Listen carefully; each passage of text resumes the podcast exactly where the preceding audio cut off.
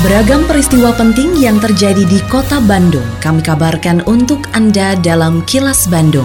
Diproduksi oleh LPS PR SSNI Bandung bekerja sama dengan Humas Pemkot Bandung yang disiarkan serentak oleh 40 radio anggota PR SSNI Bandung. Sejumlah informasi aktual kami hadirkan untuk Anda dan inilah informasi utamanya.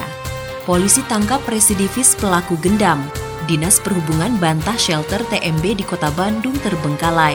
42 bakal calon kepala daerah lakukan tes kesehatan di RSHS. Saya, Santika Sari Sumantri, inilah kilas Bandung selengkapnya.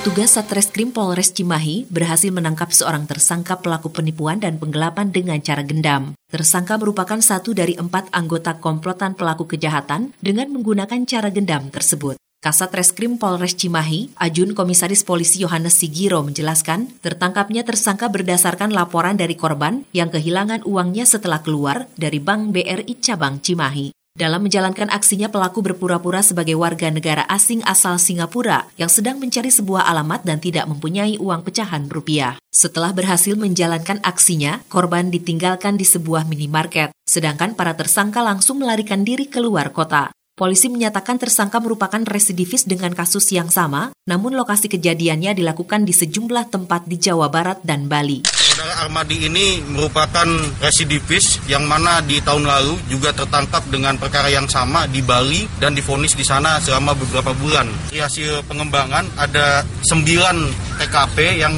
ada di seluruh wilayah Jawa Barat.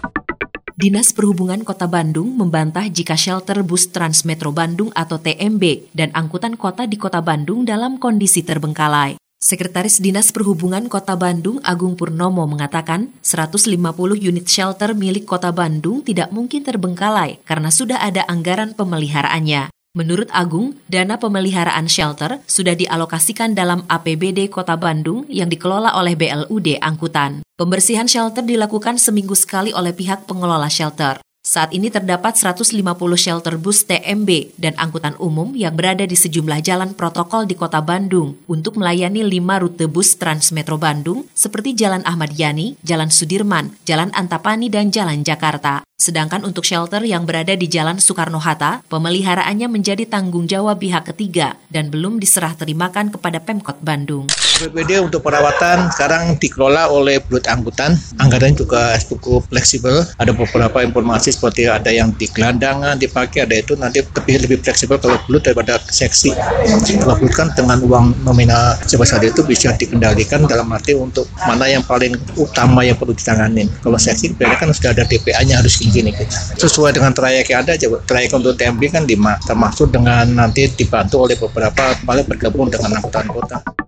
Keluhan gigi berlubang menjadi kasus tertinggi masyarakat yang ditangani Rumah Sakit Khusus Gigi dan Mulut atau RSKGM Kota Bandung. Kepala Seksi Pelayanan Kesehatan RSKGM Kota Bandung, Gea Femiola mengatakan, selain gigi berlubang, kasus lainnya adalah pembuatan gigi tiruan dan keluhan gigi infaksi atau gigi miring yang harus dilayani melalui pembedahan. Menurut Gea, penyebab dari gigi berlubang sebagian besar terjadi karena kurangnya menjaga kebersihan mulut dan keluhan ini diderita oleh masyarakat dari berbagai usia. Kalau untuk keluhan masyarakat, kita terbanyaknya itu di gigi berlubang. Jadi untuk kunjungan pun kita di poli konservasi, namanya poli RSKGM, itu bagian penambalan, itu memang kunjungan terbanyak. Dan kemudian juga di pembuatan gigi turuan, dan sekarang kita per Juni 2019 juga RSKGM sudah melayani pasien bedah mulut. Ini dilakukan oleh spesialis bedah mulut. Jadi kita membuka rawat inap untuk dilakukan tindakan bedah mulut yang biasa biasanya menangani kasus seperti gigi infaksi atau gigi miring.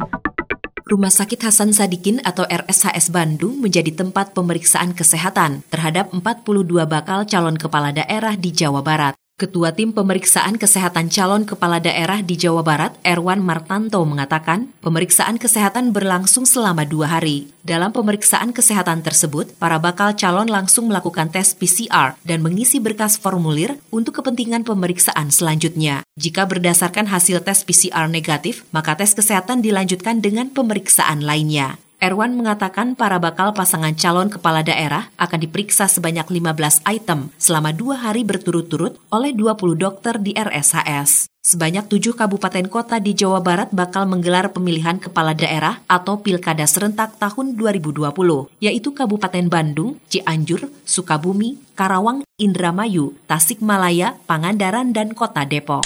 Nah, sudah datang, kemudian dilakukan tes PCR. Kalau misalnya ternyata mereka hasilnya negatif, maka akan dilanjutkan dengan beberapa pemeriksaan pendahuluan seperti penyakit dalam, saraf, kemudian bedah, ortopedi, dan juga bedah urologi. Sekitar 15 ya, 15 item. Sebagian dikerjakan hari ini. Yang penting mereka sudah negatif.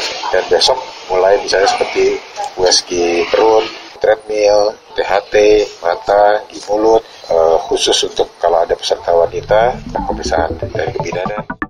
Para pengusaha yang tergabung dalam Asosiasi Pengusaha Indonesia atau APindo Jawa Barat memberikan apresiasi kepada pemerintah provinsi untuk kota dan kabupaten yang telah melakukan tes swab COVID-19 untuk kalangan industri. Meski begitu, pengurus Apindo Jabar, Dedi Wijaya, meminta untuk tidak mempublikasikan nama perusahaan jika ada karyawannya yang terkonfirmasi positif COVID-19. Pasalnya jika nama perusahaan dipublikasikan, maka akan mempengaruhi kondisi perusahaan yang bersangkutan. Selain itu, Dedi mengakui bahwa biaya untuk tes swab atau PCR mandiri yang dikeluarkan oleh perusahaan merupakan bentuk investasi perusahaan. Kalau seandainya kata ada satu perusahaan, ada karyawan yang kena COVID-19, tolong tidak dipublikasikan Pak, nama perusahaannya. Karena itu akan mengganggu brand mereka akan jadi goyang Pak. Brand itu sangat mahal. Kalau itu dipublikasikan, bayarnya akan menahan dan tidak akan memberikan pesanan. Kedua, kepercayaan konsumen itu hilang terhadap produk merek tersebut. Jadi bagi perusahaan itu loss atau kerugian non materi itu sangat besar sekali dibandingkan materi. Kini, audio podcast siaran Kilas Bandung dan berbagai informasi menarik lainnya bisa Anda akses di laman kilasbandungnews.com.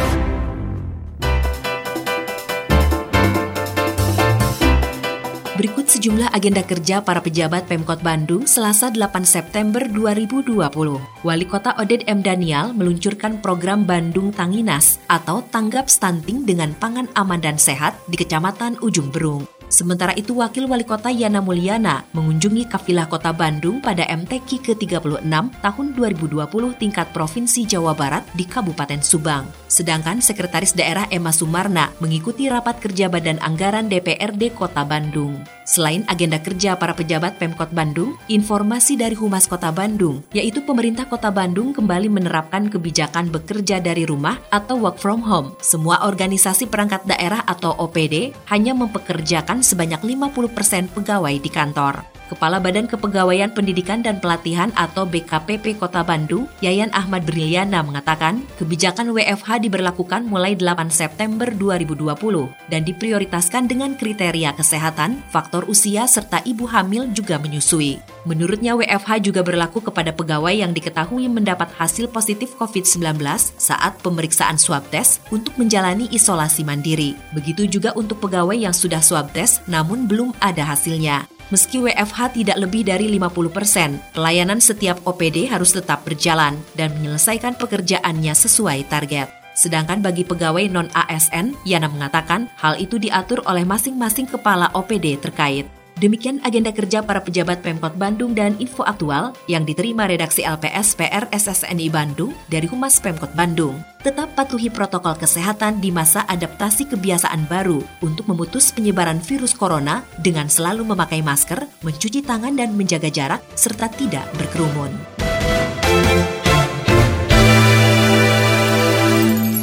Terima kasih Anda telah menyimak Kilas Bandung bekerja sama dengan Humas Pemerintah Kota Bandung yang diproduksi oleh LPSPR SSNI Bandung.